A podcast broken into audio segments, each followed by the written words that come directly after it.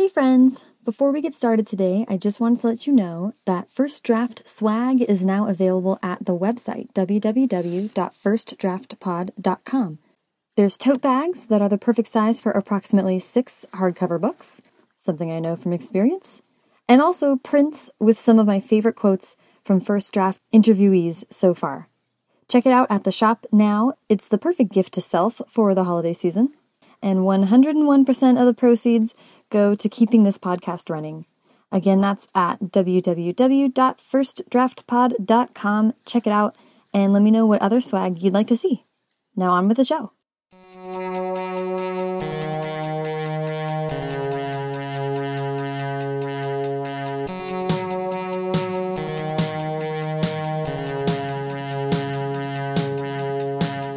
Welcome to First Draft with me, Sarah Enni. Today I'm talking to Alison Cherry, author of YA books Red and For Real, out December 9th. Alison also has a few middle grade books in the works, including one with one of my favorite titles of all time Grandma Joe's Guide to Prim and Proper Pilfering. Ugh, it's so great.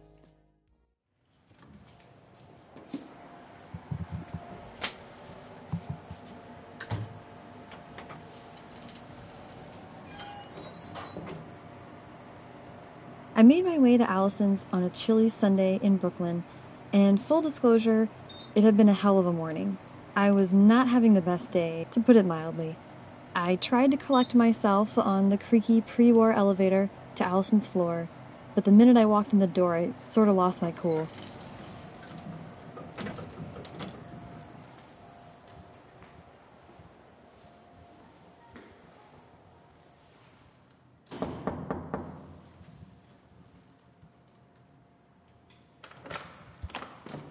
Hey. Thankfully, Alison is a combination of my favorite things generous of heart and lightning quick with snark. She made tea and set me up on her comfy couch, surrounded by bursting bookshelves. Then she let me add my gripes to her shrine to not giving a fuck, a chalkboard with the headline, Dead to Us. Talk about my people. As the interview went on, I found myself not wanting to bother asking questions, more than happy to kick my feet up, let Alison's cats help themselves to my lap, and listen to her tell stories of her crazy days in the theater and waxing eloquent on writing, what makes a perfect coffee shop, and the occasional traumatic revision experience. That sounds perfect. Um, so hi, how are you? Hi, I'm great. I'm really excited. Yay, it's so nice to meet you finally. Me too. Yeah, and thank you for having me over to your beautiful apartment that is full of books. Full of books. Books. People, my neighbors are- will come in here and they'll be like, "Your floors are gonna collapse. Don't put any more books in here." Well, and you're you're far up, so they should all yeah. be. And this is just the books I've read that are in this room. All the books I haven't read are in the bedroom. oh my gosh, that's hilarious. two more whole shelves. Your bedroom is your TBR pile. yeah. and my workspace and my sleeping place. Oh, New York is small. I cram in a lot. yeah, yeah. Well, we are going to talk about that um, because I'm very curious about that kind of stuff. But first, let's start at the beginning, which is where were you born and raised? I was born in Evanston, Illinois, which is the first first suburb north of Chicago. I've never lived in a small place. I've, Okay. I've lived here and in Boston and in Chicago, and that's it. Interesting. Yeah. Do you want to uh, just look at when you, did you start writing? Um, with the intent to publish in 2007. Okay. Um, when did I start writing ever? I mean, I used to write stories as a kid all the time. My mom actually recently sent me a booklet of stories that I dictated to her when I was three. really? When you were three? Yeah. So you were writing in like high school and stuff? I didn't write fiction in high school. I was a big journaler in high school. I kept Yeah. a diary from like probably 13 to 16 or 17. Wow. Which I still have and which I mine for information like crazy. Um, It's such a good resource for. yeah, it's super helpful. I'm like really grateful to my past self. Yeah. like, thank you for doing that. So, um, I, I did not write stories in high school um, Interesting. at all or in college. I was not. I did not intend to be a writer. But you, that's funny. Okay. I always liked the creative writing assignments best. But you were in theater. Um, I actually majored in photography in college. Ah. So that's what my degree is in. Okay. That is what I intended to do. Wow. Yeah. What kind of photography? the original plan was nature photography. I had this like grand scheme when I went to college that I was going to double major in environmental science and photography. And then, um, actually, well, I was going to be just a scientist when I was in high school. That was the plan. Really? And then I was looking through this book of photographs when I was probably 16, and I said to my boyfriend, "Man, I wish I could just like do this as a job because I had recently gotten into photography." Mm-hmm. And he was like, "You can do that as a job. It's a job." It's a job being a Oh. photographer. Yeah, you're right. It was like an epiphany. I'd never, I'd never thought of that as like a thing I could do. Yeah. So then I was like, all right, I'm gonna do both, and then that just didn't, that didn't pan out. How did? But you majored in photography, so you went I all did. four years. Yes. Where'd you go to school? Harvard. Harvard. Mm-hmm. Wow. I was like, did I hear that right? There's like no good way to say that word. Like, No, I love you it. can't be too confident about it, but you also can't be too self-deprecating about I it. I can imagine. I had to this like one. practice in front of the mirror. Yeah, I had this one teacher in college who would say like, I went to a school in, in New Haven, Connecticut. Exactly. Just say Yale. No, Uh, I try really hard to say I went to school in Boston and hope people don't ask. well, that's so exciting, dude. That's awesome. So you were studying photography at Harvard. Yes. Did you do that professionally for any period of time? I was it- did, yes, I did. While I was there doing the photography, a friend of mine started a theater company, and she was like, "Hey, we need someone to do lighting. You know about light, cause photography, right?" Right. And I was like, "I guess." She's like, "Do you want to do this?" So I learned how to do lighting for theater. And I was like, oh, this is kind of fun. Yeah. And Harvard did not offer a theater degree at the time, so that meant that all of the student run shows were just like open to whoever to work on Wow. which is great. So I got to design on like the American Repertory Theater main stage as a 20 year old. Wow, Yeah. that's so cool. So it was great. And then I was like, oh, okay, maybe this is what I want to do. And then I, when I moved here, I worked in theater for about four years and then Okay. went back to photography. Okay, so I want to do photography questions first and then get to theater. Do it. Because I was thinking about how photography is like a way of telling stories. Yes. A so yeah, yeah, yeah. Oh my gosh, yes. And like so different. But photography in particular, I think is curious because I haven't interviewed a photographer before. It's sort of like a poem, right? A little bit, yeah. You want to capture like one significant moment and it has something to say. Yeah. And yeah, Framing, lighting, all Yeah. these considerations. I'm just curious about how the thinking about that, and of course, for four years studying it in depth, getting really into it. How do you think um, your approach to storytelling was shaped by by studying photography? I mean, I feel like getting ideas for writing is the same exact thing. I mean, you're noticing these tiny little weird moments that Yeah. are standing out to you just in the normal rush of life, and Yeah. instead of capturing that visually, you're just writing it down. Um, I was also very into staging photographs. That was like my big thing. I Okay. would like dress people up and put them in some weird situation that they didn't belong in. and- Interesting. yeah, I was more into that than I was into just like finding people on the street to take Mhm. pictures of, or Mhm. like it, it totally abandoned nature. I was gonna say, Like, or- people are more interesting. Do that. Um, so yeah, I was I was trying to create stuff even Yeah. at that point. And by by put people in weird situations, I mean like what are some examples that come to mind of it sounds like that's sort of like a writing prompt almost. Yeah, my roommate was an actor and she loved dressing up for me. So she would like put on a little Red Riding Hood costume and like go to a construction site with me and I'd like take a bunch of photos of her there. And I've got ones of her like sunbathing in a bikini on the dining hall tables with like the salt shakers all around her. Oh my gosh, That cool. was- yeah. That's so interesting. I It's my love freshman that. year project. Ah, I love that. And then I would dress myself up too. And I had this like character that I would do and What was the character? Uh, she was called the goddess. I don't remember why, but I had an artistic statement I could probably dig up somewhere. But she also wore very glamorous clothing and very um, inappropriate situations. I love that. I got like one of me in a feather boa in the scene shop, and I'm like sitting next to this giant thing that's like flammable. Do not approach with matches. Oh my gosh, that's awesome. It's ridiculous. So, and of course, that's also very theatrical. Yes. So, Yeah, sounds like that it all was. nice together. There's a lot of foreshadowing.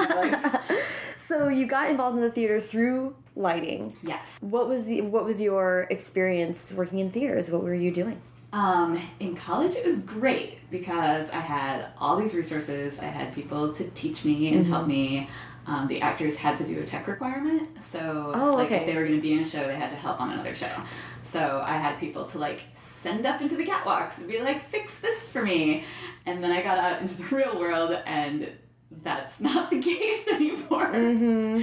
So I'd be doing these shows for companies that just had nothing and they had no budget and they couldn't really pay me and their equipment was falling apart and I didn't have any help, so I'd be like up on a ladder, like frantically googling stuff, like how do I swap out this fuse? And the dress rehearsal's in like two hours, Oh and my everything's God. falling down.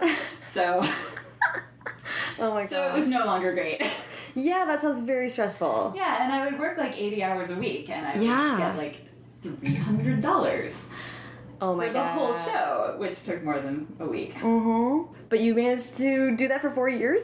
I maybe three and a half. I had two other jobs too. Oh wow. Wow. So that was kind of your passion like yes Job. and then it it just got to the point where i was like i can't i cannot do this anymore i was always looking for a job Mm-hmm.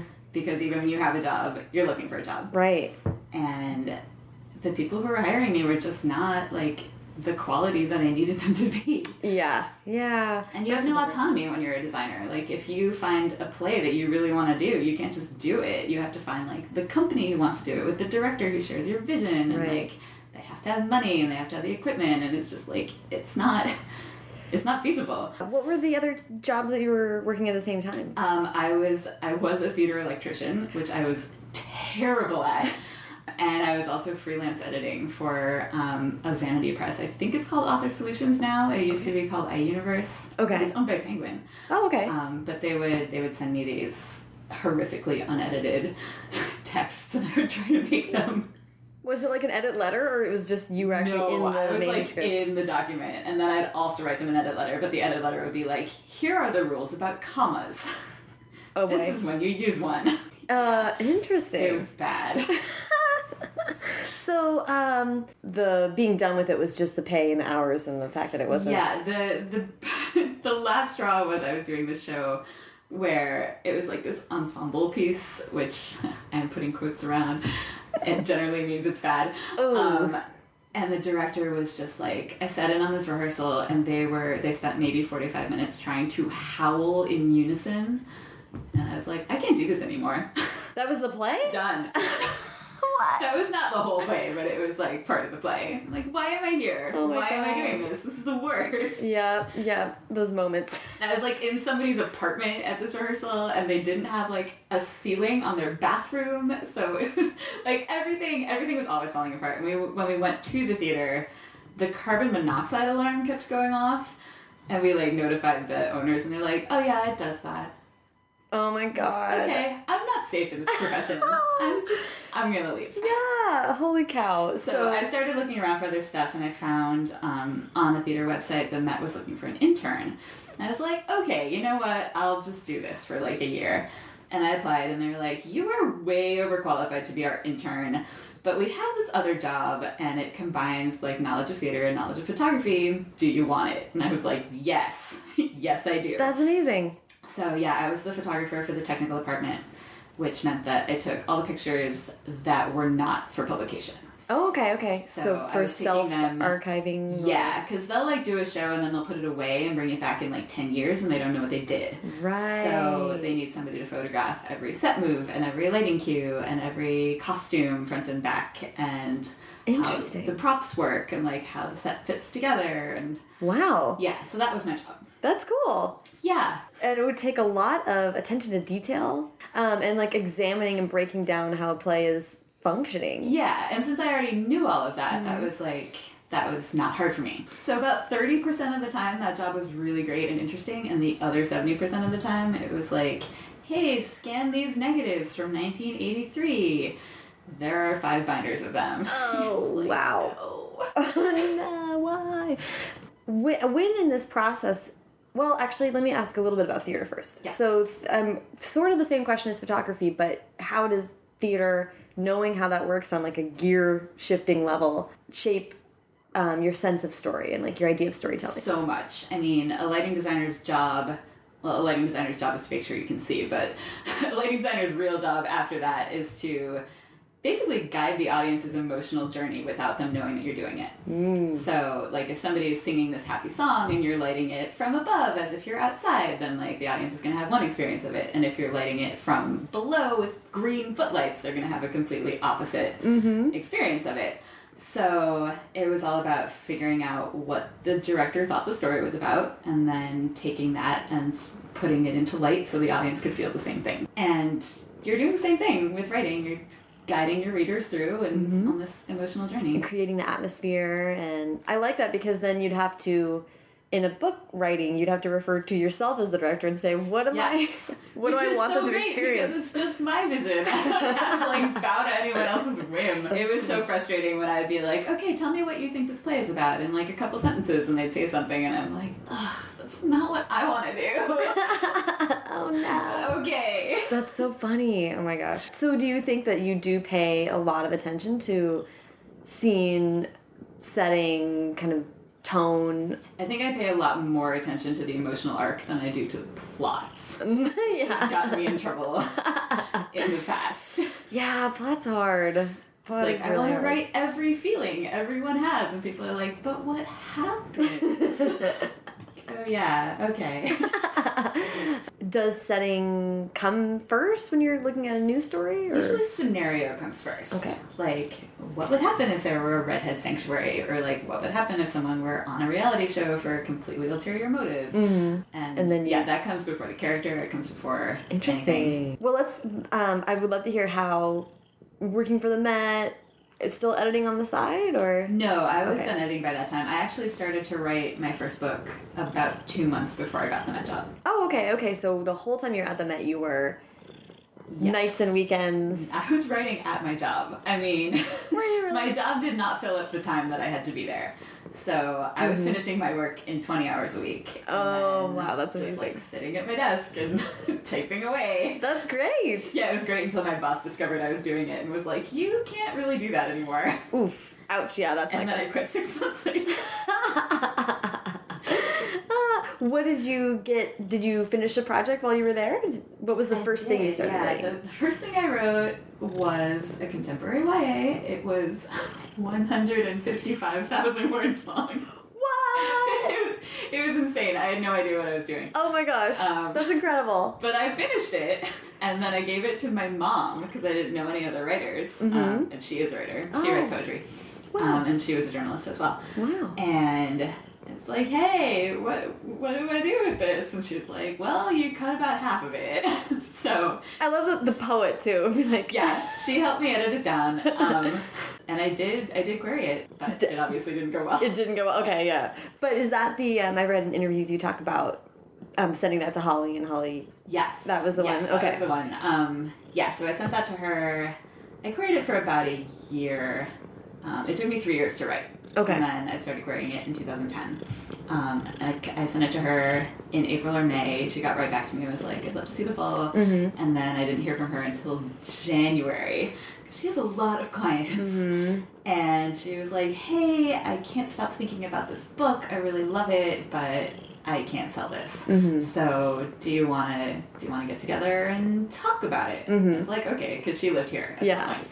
Um, so we got together, and I had like reread my manuscript, and I had it all printed out, and I had it with me. And she, in the meantime, had been like, "Are you doing something else? Like, send me a couple chapters."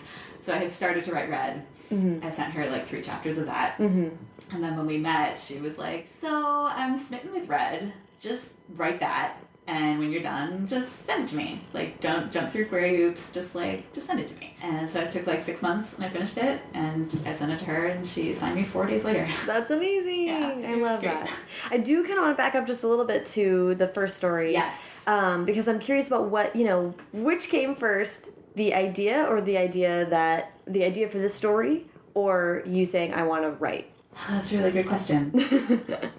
I was living with this literary agent at the time, and she had started to bring home a lot of YA. She didn't represent it, but her agency did. Mm-hmm. And she was like, "Hey, this stuff is really great." She like brought me Uglies by Scott Westerfeld and Oh yeah. um, An Abundance of Catherines, and she's like, "Hey, you should just read this stuff because it's great." And I was like, "Why? This is for kids. Like, aren't aren't we past this?" So you hadn't been reading it no, before. not okay. at all. And she was like, "No, no, no. Just like, just read it.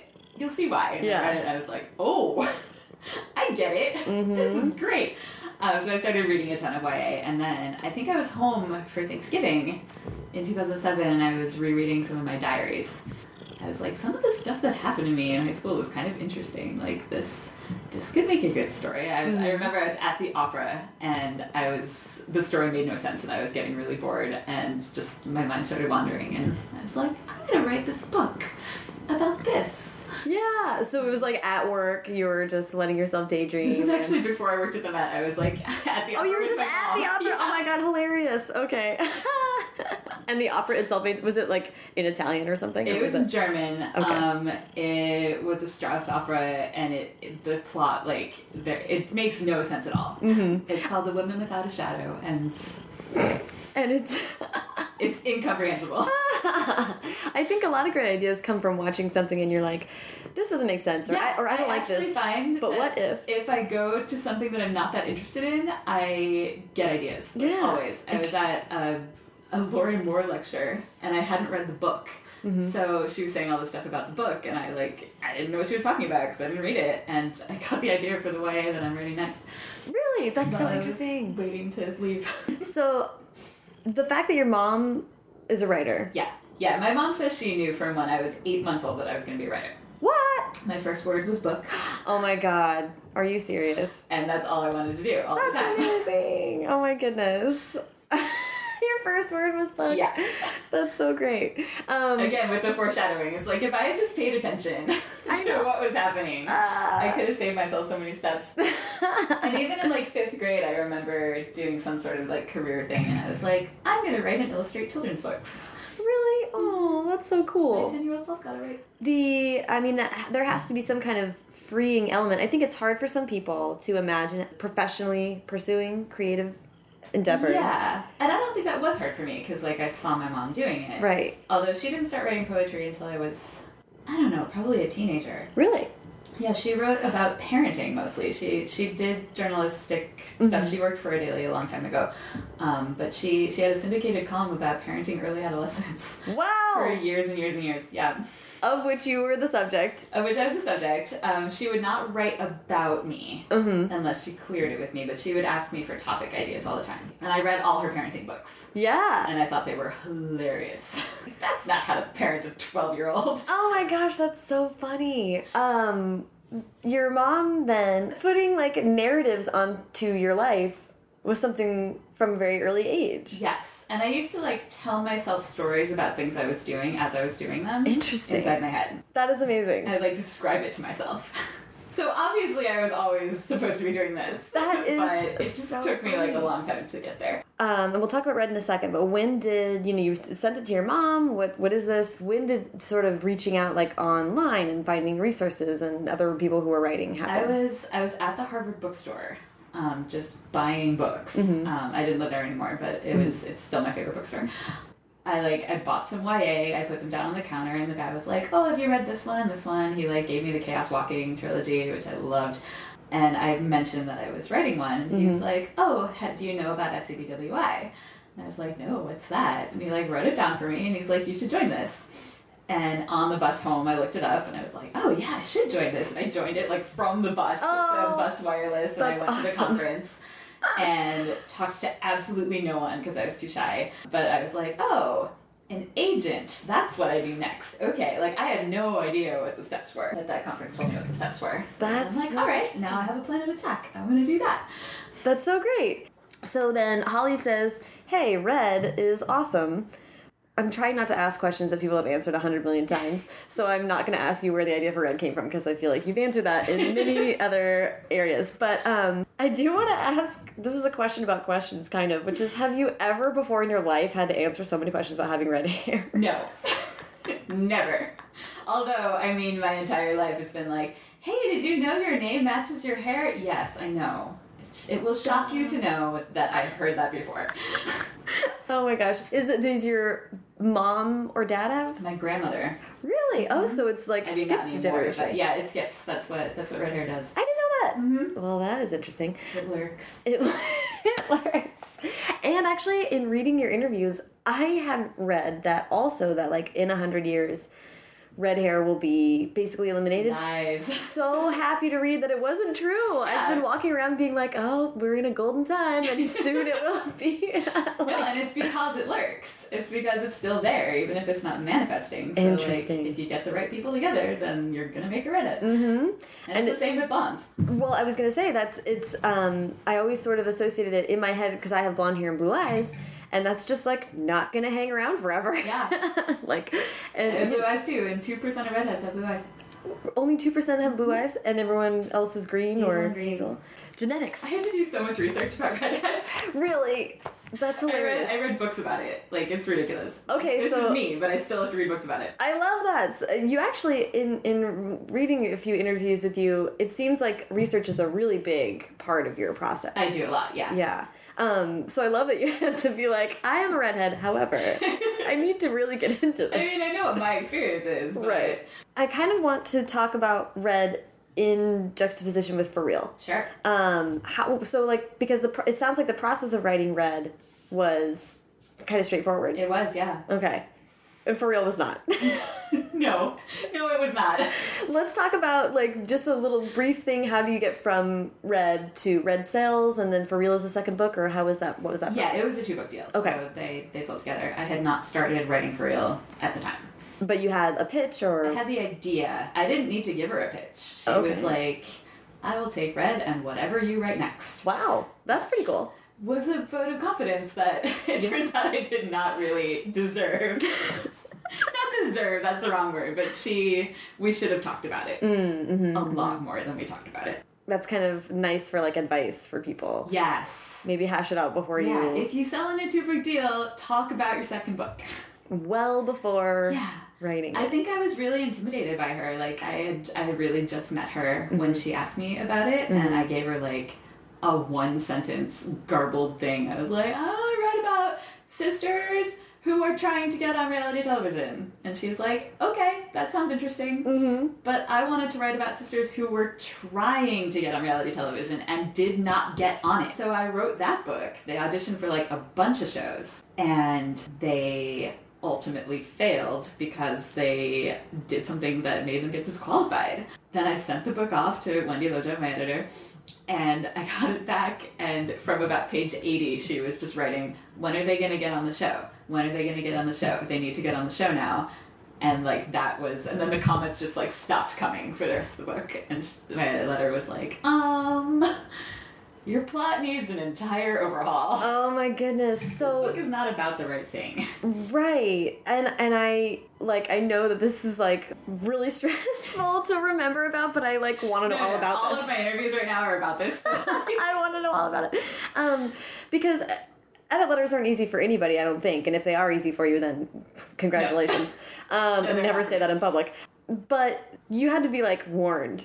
yes About Holly called yours. me and she was like so you're getting your edit letter today i just want you to prepare yourself it's gonna be a lot of work and i just wendy wanted me to tell you that she doesn't hate you or your writing that's Like- like, the worst possible thing you can hear Yeah. And then I got the letter and it was like one page. And she's like, listen, setup and your characters are really great.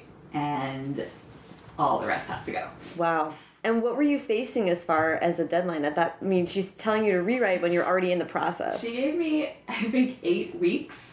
And then I was able to negotiate for an additional three or so. Okay. So, Thank God. yeah, I think it was like, it was, it was less than 100 days, for sure. Wow.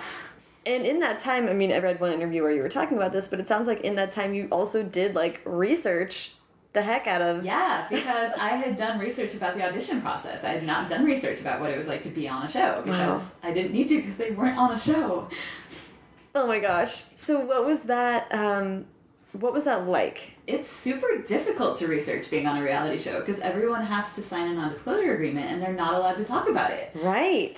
So I read um, the show in the book is most like The Amazing Race. Mm-hmm. Um, so I read there was this giant book about The Amazing Race that a bunch of fans had put together. Interesting. That they had just like dug up all the behind the scenes stuff that they could and put it in a book. Okay. Um, so I read that. That was really helpful.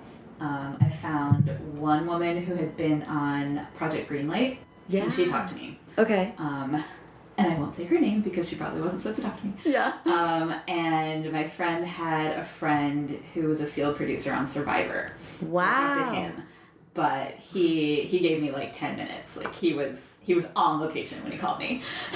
Wow. And at that point, I was like, "What does the audio equipment look like?" It was like all very specific stuff.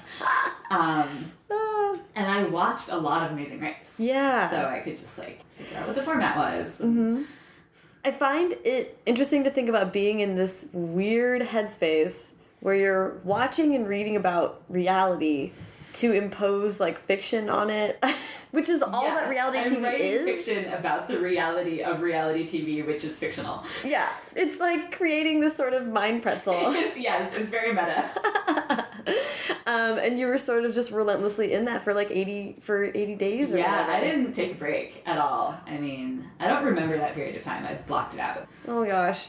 It was like a lot of takeout and crying and sitting in the chair in my bedroom and furiously typing. Yeah, how did you um the question for me is I guess deadlines are motivation in and of themselves, but how did you sort of keep yourself in it? I was in it because I had to be in it. I didn't have a choice. I mean, I didn't want my book to get bumped to the next year, and I had to get it done. I, I'm a deadline person. I do not miss deadlines. I have never missed a deadline. Mm. I didn't miss them in college. Like, mm-hmm. if somebody tells me I need it by this time, I will get it to you. Mm-hmm. I will make it happen. So Wow. I made it happen. was there looking back on it now, was there anything about having to do it that way that benefited the story, do you think? the rewrite benefited the story tremendously. I mean, Wendy was totally right. I accept that. Um, even from like, I don't know, five days after I got that letter, I was like, all right, she's right. Like, I do have to do this. But I don't think the time frame benefited me at all. Okay. That was not like a No, I think I could easily have had twice the amount of time and it would have been the same. mhm, interesting. Except I would have been less insane. yeah, less crying and less. Yeah. Oh, I mean, I would wake up every day at like 6 a.m., like a jolt awake, being like, why am I not done with my words for the day? oh my gosh, that is wild. Because it's 6 a.m., go to sleep. Yeah, I'm. I'm glad that it didn't. That it didn't last long. That you're past it. I know, yeah, me too. I mean, deadlines really help me a lot, but like a comfortable writing pace for me is like 30,000 words a month. Okay. Yeah. And I was doing about twice that. Yeah. And that's just not, like, I didn't have anything left in my brain at the end. Mm -hmm. Mm -hmm. There's such a um, balance of feeding and and output, like Yeah. input and output. And the whole experience, too, I think made me sort of lose my sense of perspective sort of permanently about whether what I was putting out was a good product. Because now I can't, I don't feel like I can tell whether I'm writing something good or not. Really? Yeah. Whoa! It messed. It threw off kilter. Yeah, because then when I turned in what I thought was this crappy, crappy new draft mm-hmm. of For Real, Wendy was like, this is fantastic. We're going to copy edits. And I was like, I'm not ready for that. Like, that, Wow. this still sucks. I don't think you understand. you did have a, an opportunity for your friends to help read it as well. didn't yes, you? I had some beta readers read it, and they were helpful, but most most of them were like, this is really good. And I was like, no, it's not. It's not good. Okay, so this is fascinating. So you get to the end of this of this harrowing mega speed writing Yeah. process, and everyone's like, "Alison, you did great," and you're like, "What are you talking about?" yes. And I think part of it is just that I didn't think it was possible that it could be good mm-hmm. because I wrote it so fast. and you're saying like, now, of course, you're working on new things. Yeah. And, And I'm you- working on them at like a very normal pace. but still, I'm just like, does this suck? I have no idea. Wow, there is something fundamentally unsettling about giving somebody work and having them say this is fantastic like having a reaction to something be so out of sync Yeah. with what you're expecting The first draft of For Real I thought was pretty good. Mm-hmm. And she was like, nope, start again. And then the second draft, I was like, this is terrible. And she's like, it's wonderful. So Wow. I don't know if I have a question about that, but I'm so fascinated. I'm just by it. confused forever now. Oh my gosh! Well, and you'll probably work your way back. I'm sure I will. I'm sure I'll rebalance. And I also have not read For Real for a long time. I haven't read it since my last, my first pass pages, which were more than a year ago now. Will you? Um, probably not, honestly. Yeah. Um, if it becomes an audiobook, I'll probably listen to it. There you go. That's what I did with Red, just because I, mean- wanted to know what the actress did with it. Oh yeah. Oh my gosh. Well, what did so? To, what did recovery look like? What did recovery look like? When did I start something else? I wrote a middle grade next. Mm-hmm. Um, I was just like, I want to do something completely different. It was a it was a ghost story, so it was like a paranormal middle grade, Ooh. um, which I feel like was a good way to recover because there was absolutely nothing that was remotely the same about it, Mm-hmm. and then it did not sell. So Oh. that is that is gone forever, unfortunately. Oh, shelves. Um, but sort of your mental recovery book. I took some time off, but it was not a lot. I mean, since I've been writing full time, I don't feel like I can take long periods off because, Right. like, it's my job and I have to do my job. I was gonna say, what does what does some time mean? Like a week? Um, probably more than a week. Okay. But maybe less than a month.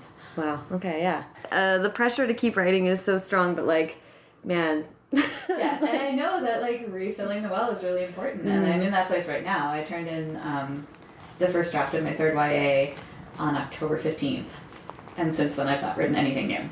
okay. and I've done a lot of publicity stuff for For Real, so like I'm doing work, but I feel really guilty about it. Really. Yeah, Mm -hmm. I feel that guilt as an unpublished author, so I can't imagine like it's the the stakes are raised. yeah, and it's not even that I feel like someone's waiting for me to do something next. It's just like you have a job and you're not doing it. You are a slacker. Right. Right. Uh, we're all crazy workaholics. Yeah, That's but been like you gotta put something back in after you like excise these books. Yeah, well, excise is a great word for that. um, there's also Pete Holmes says has this thing where he says you have to live a life worth commenting on. Yeah, About- exactly. and- if you're not doing anything, then What you, you can't write the same it? book fifty times. No one wants to read that. exactly. What did okay? So I'm sorry that MG didn't sell. That stinks. It's okay. I'm over it. But it sounds like it was really fun. It was fun. Yeah. It What was, was- a it was a good experience and I was like, oh, I could write middle grade. So Yeah. I wrote more middle grade. Yeah. Um, uh, yeah. Let's talk about turning to middle grade generally. Did the idea for that come first, or did you say I really just want to try writing for younger readers? Um, I got the idea first. But yeah, the idea came first and I was like, I don't think this is for a seventeen year old character. Like Mm-hmm. this is this is for somebody younger. And what were the what was it like to um I'm asking so many people this because I find middle grade so interesting and terrifying because it is really different. It's really different. How did you dive into finding that different voice and different approach? I wrote it in third person, Oh wow. which I think helped. Yeah. Because I wasn't like completely inside her head. Mm-hmm. Um, since then, I have written a middle grade in first person. I feel like I've, I've broken in. Yeah. But that was that helped me transition. I think. What did you what did you like about middle grade? What was like freeing or, or positive about that? I liked not having to write a romantic subplot. Really? Yeah. Um, sometimes I feel tied down by that. Yeah. And like everyone says, you don't have to have it in your YA, and you don't. But almost everyone does. Yeah. And it's easier to get readers if you do.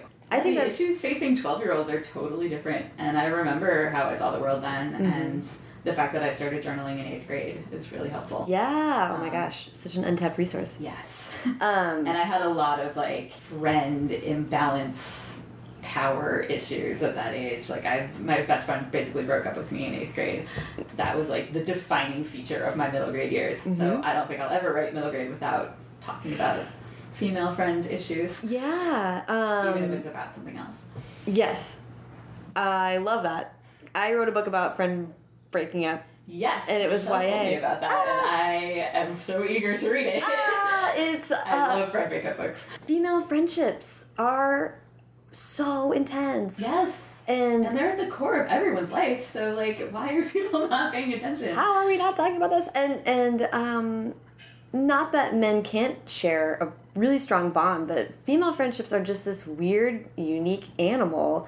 You're like two like a like a person with two heads. Yes. You just share each other unconditionally and then when you when you change, which is inevitable, you know, you when you're a teen and you have a friendship like that, you're really not thinking of the end. No. Caela Carter, actually, who wrote um, My Best Friend Maybe, Mm. at her party, she said something really astute about that, which has always stuck with me. Um, someone asked her why she wanted to write about this this friend issue, and she's like, "Well, you know, when you're little, like everybody talks about like your first boyfriend, but like you know that your first boyfriend isn't going to be your last boyfriend. Like everyone knows that that's going to end, but." People don't talk about like your best friend not being your first best friend or your last best friend. When Yeah. you have a best friend, like they're your best friend, they're gonna be your best friend. So it's almost like you have this shame to go with everything else when Yeah. You lose your best friend because like that hasn't been instilled in you that that's gonna be a thing. Yeah, that's such a good point. Yeah. Yeah, there is not a lot of. the- I mean, that's what you and I are saying. There's not a lot of discussion about it. Yeah, There's, and you feel like you failed if you lose your best friend because yeah, I didn't do it right. not supposed to happen. even though it happens to everyone. everyone and there and it's inevitable and it's for the better you know like people change and you need different things for different people as you grow but Yeah, but nobody's gonna like your little seven year old comes in from playing with her friend in the yard. Nobody's gonna be like, well, that person won't be your best friend forever. Just remember that. yeah yeah yeah which would be like so mean but so nice and so oh my gosh oh yeah how do you pre- prepare someone for that but i think that's and so I had the same best friend from like when I was in kindergarten to eighth grade, and then we were just like we totally fell apart, and it was terrible. Well, and part of the reason that I feel hesitant about middle grade personally is because middle grade, those years were really hard. Yeah, they are. So, was that did that make it like intimidating for you to look at diving No, I mean the middle grade. My my first middle grade that's being published by Aladdin Mm-hmm. is funny, and it does have a lot of friendship issues in it. Mm-hmm. But like the core of the story is about these old ladies who are thieves. So like? Yes. Oh my God. We have. Let's just catch up really quick in the timeline because we were at. Okay. We wrote a ghost middle grade. And then after the Ghost Middle Grade did not sell, Mm-hmm. I think I started writing. I think I wrote the proposal for the next YA. Okay. Okay. And then that was out there with my editor. And while that was happening, I wrote the middle grade. Okay. Okay. So, how did the? Were you nervous about going back to do a YA? Mm, Yes, yes. The proposal was really difficult. I Mm. think that was like the hardest thing for me to turn out that I've ever done. Wow. Um, it took me like two months to write three chapters. Wow. And I was just like lamenting. I'm broken. I Yeah. can't do this anymore. Yeah. No, that's so that's so tough. What was the? How did that idea come to you? Um, the, it's a summer theater book, so it was kind of like I'm gonna take all these horrific theater experiences that I had, and I'm gonna use them someday, and I'm gonna make this worth it. Yeah. because I worked at Williamstown Theater Festival in 2004, and it was the worst summer of my life. Um, it was just it was terrible. I thought that I was being hired to be a designer, to be like a design intern and assist the designers and whatnot, and I was actually being hired to do manual labor. So What? yeah, so I got there and I was like hauling pipe around, and I'm like, this is not what I signed up for, Oh my gosh. and I didn't know how to do any of it, Mm-hmm. and everyone else there did. So I felt like an idiot. And that was in the tiny Massachusetts town. Yes. So you're like stranded. I was totally stranded. I remember like waking up on my third day there and just having this crushing sense of despair that I was trapped. Like there was no way out Yeah. oh except my through. Wowza. How I were went through. so? And did you like the people there, or were they? Some of them, um, I was like having this fling with this boy who was really mean to me, so that wasn't helping. I did make a couple of really good friends, um, so they got me through. Oh man. But like, I didn't have that much contact with the outside world at all. Wow. And So it's kind of this bubble of terribleness. I I was- like, I need to use this. I Yeah. do. Yeah. The book is about a, a girl who's an actor and she thinks she's going there to be an acting apprentice and then she doesn't get cast in anything. Revisiting that was tough then because you're going back to YA and this is a really tough summer for you to dive back into that feeling. Um, no, I mean the feelings had faded. Okay. Um, but the, the core of the book is about um, this really intense friendship with Mm. her roommate, and she starts having maybe romantic feelings for her, and she's not sure. And they they do try to date, and I won't tell you the end, but like it. There's it's a girl girl romance which I'd never written before or experienced before. So I was Right. like, okay, this is something totally new. Let's let's try to climb inside of that. How? Yeah. How did that? Um, that take on your like personal summer story? How did it kind of transform into this really different story? Um, I think they were originally going to be two different books, and I decided that they should not. I'll often do this. I'll have either an idea that I end up needing to split in half, or two ideas that need to combine. Let's go from you wrote that proposal and then you sent, kind of decided to keep going with MG. Yes. And you wrote the MG, which I think I read that that was two different books that you combined. That was a book I split in half, actually. Ah, okay. Yeah, the, the, my original idea for that was going to be epistolary. Two girls, one of the one of whom was at sleepaway camp, Mm-hmm. and one of whom had been like sent away to live with her grandmother for the summer. Mm. Um, so I I wrote the grandmother book, and now I'm writing this the sleepaway camp book.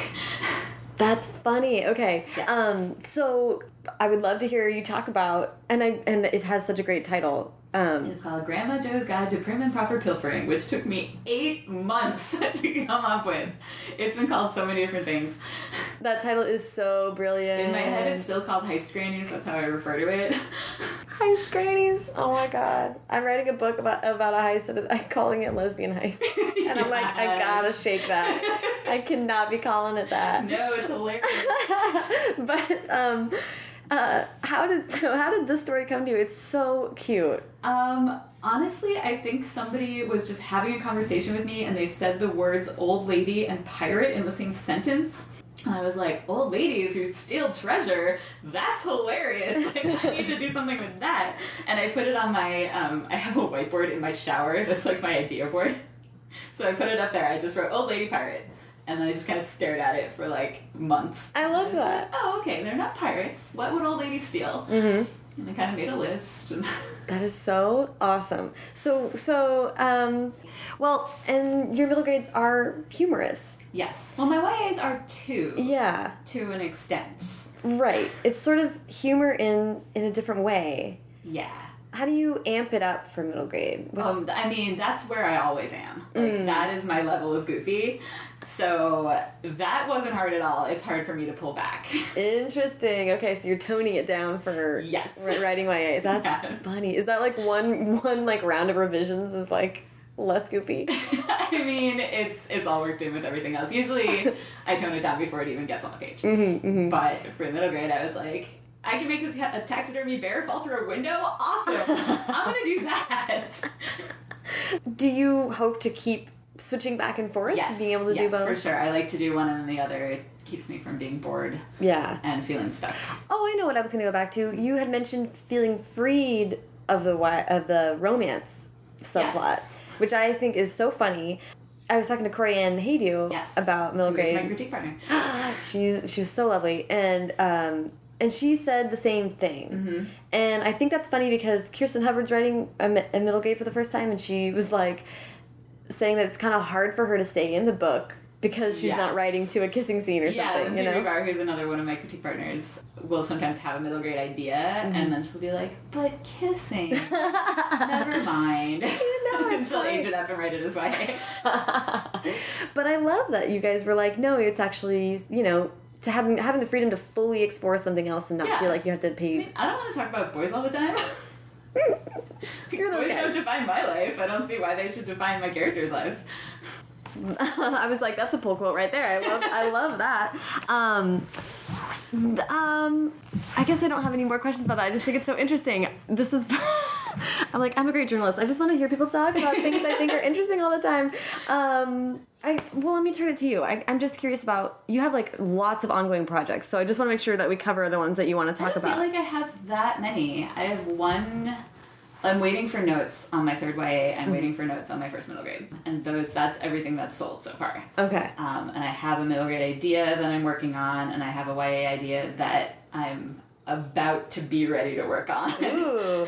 so Yeah. those are those are sitting there, and then I've got some some ideas archived in the back, but I I can't do a whole bunch of projects at once. Like Mm-hmm. Yeah. some people can. Yeah, how are you? I mean, you do have several books under contract, and you're, I mean, professional full time writer, and balance, bouncing back into, and forth between YA and middle grade. I have a hard time balancing writing more than one thing at a time. Yeah, I know there are some people who can like work on one project for four hours and then another project for four hours. I cannot do that. Like, I need to. The shortest amount of time is like two or three weeks to focus mm-hmm. on something, mm-hmm. and then if notes come in and I have to deal with that, then that's fine. These people are like in my head all the time when I'm writing a book about them. So, Right. like, I don't. Yeah, it's hard. And then like I think some people like can draft and the, draft one project and then be revising another project, and I'm like, it's hard enough for me to even just make the shift to like revising. Yeah. No, I can plot one project Mm. and work on another Mm-hmm. because that doesn't feel like the same thing to me. Interesting. The plotting is my favorite part. really? Yeah, I like right at the beginning when I'm just getting the ideas. Yeah. Oh, it's gonna be this. Are you an outliner? Yes. Okay. Yeah. Yeah. Yeah. It sounds like that. Yeah, I need to know how the book ends before I start it. Oh, teach me. I hate endings so much. How do you I have trouble with middles. middles? Yeah, okay. beginning and end is fine. Mm-hmm. But I know what I'm working toward usually. Like, yeah. When I have the idea, I have an idea arc, not just Mm, like the okay. Again, How do you do that? that is brilliant. Do you think that's something that comes from a theater background, or like you see a structure? Maybe. I don't know. I never really thought about it. Being a full time writer, I think a lot of people sort of see that as this like ideal, like maybe one day I can just do this for my job, mm-hmm. but it's not very easy. It is not very easy. Yeah. How do you? It helped that I had done freelance before. Mm. So, like, mm-hmm. I was kind of used to structuring my own time, and then I stopped when I was at the Met, and I was mm. like 40 hours a week. Mm-hmm. And then coming back to it, uh, it sort of felt familiar. I guess there's a couple, yeah, different way ways I want to ask, which is like, yeah, how do you structure your free your time, and and then how do you? um It can be really difficult and lonely to be a writer all the time. Yeah, it's true. Um, I'm an extremely introverted person. I really like time by myself. I don't get lonely a lot. So this is maybe the perfect career for me. Um, I don't really, if I'm feeling lonely, I don't necessarily need to interact with somebody. I just need to get out of the house. So if I go work somewhere else, then I'm fine. Um, and I do try to work with other people a couple times a week because I have enough writer friends now who are full time yeah. that if I can sit at a table with somebody else, it's great. Well, and I think I read in an interview that you do write at coffee shops most most of the time. Um, I would say most of the time, maybe half of the time. Okay. Um, more for drafting than for revising is yeah, what revising. I have like my revising chair in my bedroom. I'll, sh- I'll show you my writing space. That's awesome. Um, yeah, I need to be less distracted when I'm when I'm working through notes yeah. than if I'm just like spewing out all the. Yeah. I draft really long and I just write everything that comes to mind. My drafts are usually twenty thousand words too long, and then I just like slash and burn. Mm-hmm, mm-hmm. I love that. And and structuring time. How do you sort of Structuring time. I, I try to set long goals rather than daily goals. I mean, a 30,000 word a month goal is way easier for me than like, I will write 2,000 words today because then I feel really locked down. If I don't do it, I feel guilty and like, I, I want to try to eliminate the guilt Mm-hmm. from my writing cycle. So I'll keep spreadsheets and be like, this is what I've done today. This is how far ahead I am. I'm mm-hmm. allowed to take a day off now. Yeah. So that's really that's really useful. Yeah. Well, and it sounds like you're sort of struggling though a little bit with allowing yourself to take time off. Yes. Yes. I'm at, I'm at the end of a break now. I feel like I have to be done. Mm-hmm. I need to start writing again tomorrow.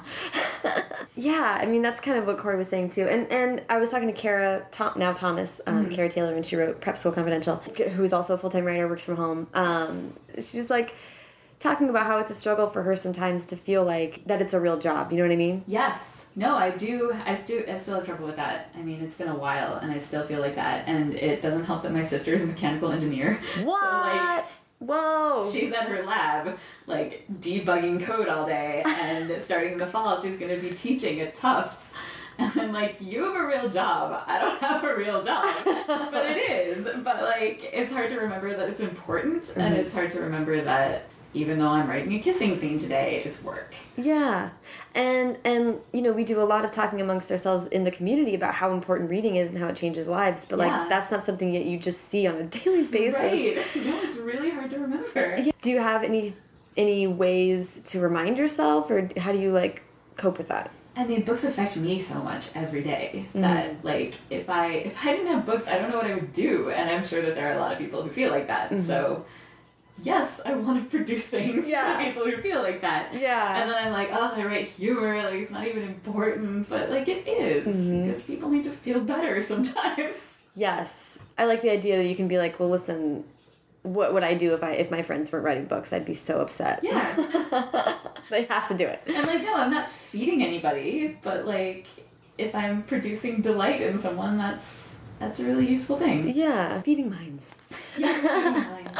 Uh, so this I think ties into a little bit of the com of community, and I kind of want to talk about New York and writing community and friends. When did that start to develop for you? I had maybe two writer friends before I sold my book. I found one of them, I found both of them through SCBWI. So we were critiquing for each other, but it was like I did not have a community. And then I sold the book and I joined the Lucky 13s. And that was like the best thing I ever did. Because then I, I would like, I'm a guerrilla friender, not not gorilla like the ape, but guerrilla like guerrilla warfare. Right. Um, I'll just email somebody and be like, "Hi, we live close to each other. We're gonna be friends now. Let's hang." out." and it usually works, which is weird. But I did that with a lot of people, and Yeah. Which is it- extraordinarily brave for an introvert. Thanks. Like, good job. It was hard. Yeah, yeah, no kidding. But Yeah, but now I, I, have all these critique partners. I have too many critique partners. I know it's such a good problem to have when people are like, I I, want to read your book, and I'm like, but I want, I need you for the fourth draft. exactly. I need to save you. yeah, exactly. Um, just sort of a combination, I guess, of questions about New York, which is, it seems like a great place to be a writer because of Oh, community yeah. is so yeah community is so ever present how does the the community both the community and the city feed your creative life I go to so many events. I mean, I'm probably at a book event every week. Wow. And I see basically the same people at the at the various places, and I feel like those are my book event people. Mm-hmm, Uh, so that's really fun, and I just feel like I'm like physically in the community Mm-hmm. at all times, which is great. And I can usually find someone to write with. Mm-hmm. and what about i mean the city is great for book stuff but what about the city just how you experience it new what do you love about new york what what is how does that feed your creativity New York is simultaneously the most convenient and least convenient place ever. my like my go-to story of convenience and inconvenience is like there was a day last winter I had to go to Bed Bath and Beyond and buy something really large. I don't remember what it was. It was like something big and puffy like a duvet or something and I had to lug it home in a snowstorm like on the subway. And I was just like, this is the worst. Why am I here? I don't even understand what's happening right now.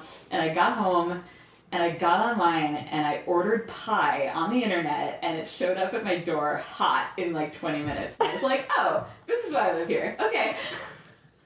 now I remember. oh my gosh that's so amazing yeah it's an extremely complicated city Yeah, and it's also, I feel like, the place that you're most likely to encounter bizarreness, just like in an everyday capacity. And that's what I'm always looking for. yeah Like, I can just go out on the street and there will be like a man walking down the sidewalk wearing a pink dress and heels and a weird wig and tying a bagel to a tree. And I'm like, okay, cool, that's happening. I don't know that everybody feels this, but I feel like it's a great city to be an introvert because you're around people all the time, but no one's gonna bug you. Yes. I mean, the reason people think New Yorkers are unfriendly is because New Yorkers have found a way to build this bubble around themselves. And if you don't do it, you're going to go insane. Like, you cannot take in all the stimuli that are coming at you. So, you sit there in your bubble, and when somebody tries to come in and is like, I need help, I need directions, then sure, like, we'll take down the wall for a 2nd and we're mm-hmm. perfectly happy to help you, and then we put it back up. Mm-hmm. So yeah, it is. Even though I'm around people constantly, I do feel like I'm alone, mm-hmm. and I do feel like people will leave me alone. All of your books so far are standalone. Yeah. Is that by design? Oh yes.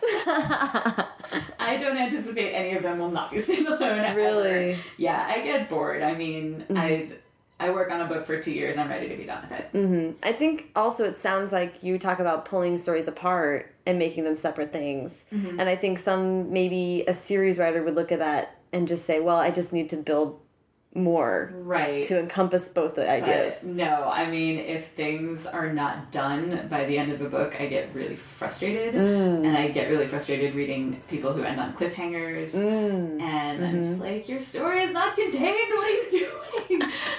don't do this to me um yeah that it's it's um and a lot of people get burnt out on series Mm-hmm. and like you're saying spending four years in the same in the same world on the same project Yeah. That'd be that would be an endurance contest It is. But people are like, is there going to be a sequel to Red? And I'm like, there's nothing else to say about that. Right. I'm done. I tied it up. okay well i would love to ask her, her advice and on a couple different fronts briefly hear your advice for new writers but also the perspective of someone that has a career in writing several books under your belt several books under contract what um, what advice would you have for people that are sort of starting out on that path of a, of a career writer The best writing advice I've ever heard is from the esteemed Maureen Johnson, who said, Don't be afraid to suck. Like, that's it. Like, you gotta put the bad words down before you can make them into good words. You can't mm-hmm. fix something that doesn't exist. So just mm-hmm. like, spew it out. It doesn't matter if it's bad, nobody's gonna see it. Every writer who you ever read whose book you think is perfect started with something really bad. Mm-hmm. So it's okay, you can too. yeah And uh, my, something my agent says a lot is keep your eyes on your own paper, which is so important because like jealousy is just rampant when you are in a creative profession, yeah and I feel like it's unavoidable. Um, Yeah. Like you, you're obviously happy for the people you know who are succeeding, but like you're never gonna have everything that everyone you know has, Mm-hmm. and that's fine. Hmm. So it's just you can't think about it. Right. You can't read every best of list and be like, why am I not on here? Yeah. just just make your thing the best you can make it and that's all you can do like that nobody has any control in this industry at Yeah, all. yeah. especially not you i feel like the best writing advice really is the advice that i can't take myself right now which is that refilling the well is important Mm-hmm. you gotta take a break sometimes and realize that it's part of the job Mm-hmm. Fill fill your head with other people's work and work with work with other people as much as you can. Yeah. That's my other advice. I feel like I'm way more productive when there's someone across the table with a computer. Like I can see if she's checking Facebook. Like I think she's working, so I have to work too. Yes, I love the accountability. Yes. It's huge. I have an accountability buddy. When we're writing, we we text every day and we're like, I did this much. We cheer each other on, and like even if it's like 300 words, we're like, good job, you did 300 words, go you. Yeah, gold stars. Yeah. I need them. I seek them out where I can get I don't do like stickers on a calendar, but it's seeing my spreadsheet of accumulated words is kind of the same. And you have to reward yourself for stuff. I mean, Yeah. if you do a good job, take a day off. Yeah. Buy yourself something nice if you sell a book. Like, Mhm. The the that's the the um, insidious dark side of being driven yeah. is then you don't you just want to climb all the way up the mountain and you can't recognize the rest stops. and if you work for yourself, nobody else is going to reward you. So you're not going to get promoted. You gotta be, you gotta be your own cheerleader. Sometimes you just need a margarita at noon Exactly. something. Just do it. Um, uh, well, this has been so fun. Thank you so much Yes, for I had such a good time. I'm so glad we could finally meet. Yes. Yay.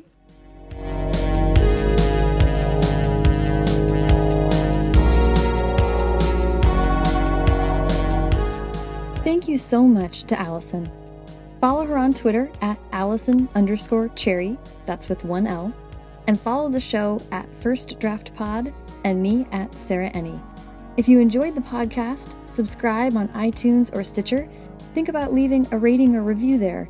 It actually does help a ton, and I love reading them. You can also donate, buy some awesome interview extras, and pick up the amazing print and tote bag swag at www.firstdraftpod.com. Jessica Spotswood and Hamilton Wan recently signed up to be subscribers, and they just happen to be two incredible people who are absolutely on my Christmas card list. Thank you so much to Hash Brown for composing the theme song, and Colin Keith for designing the logo. And obviously, always, thank you so much for listening.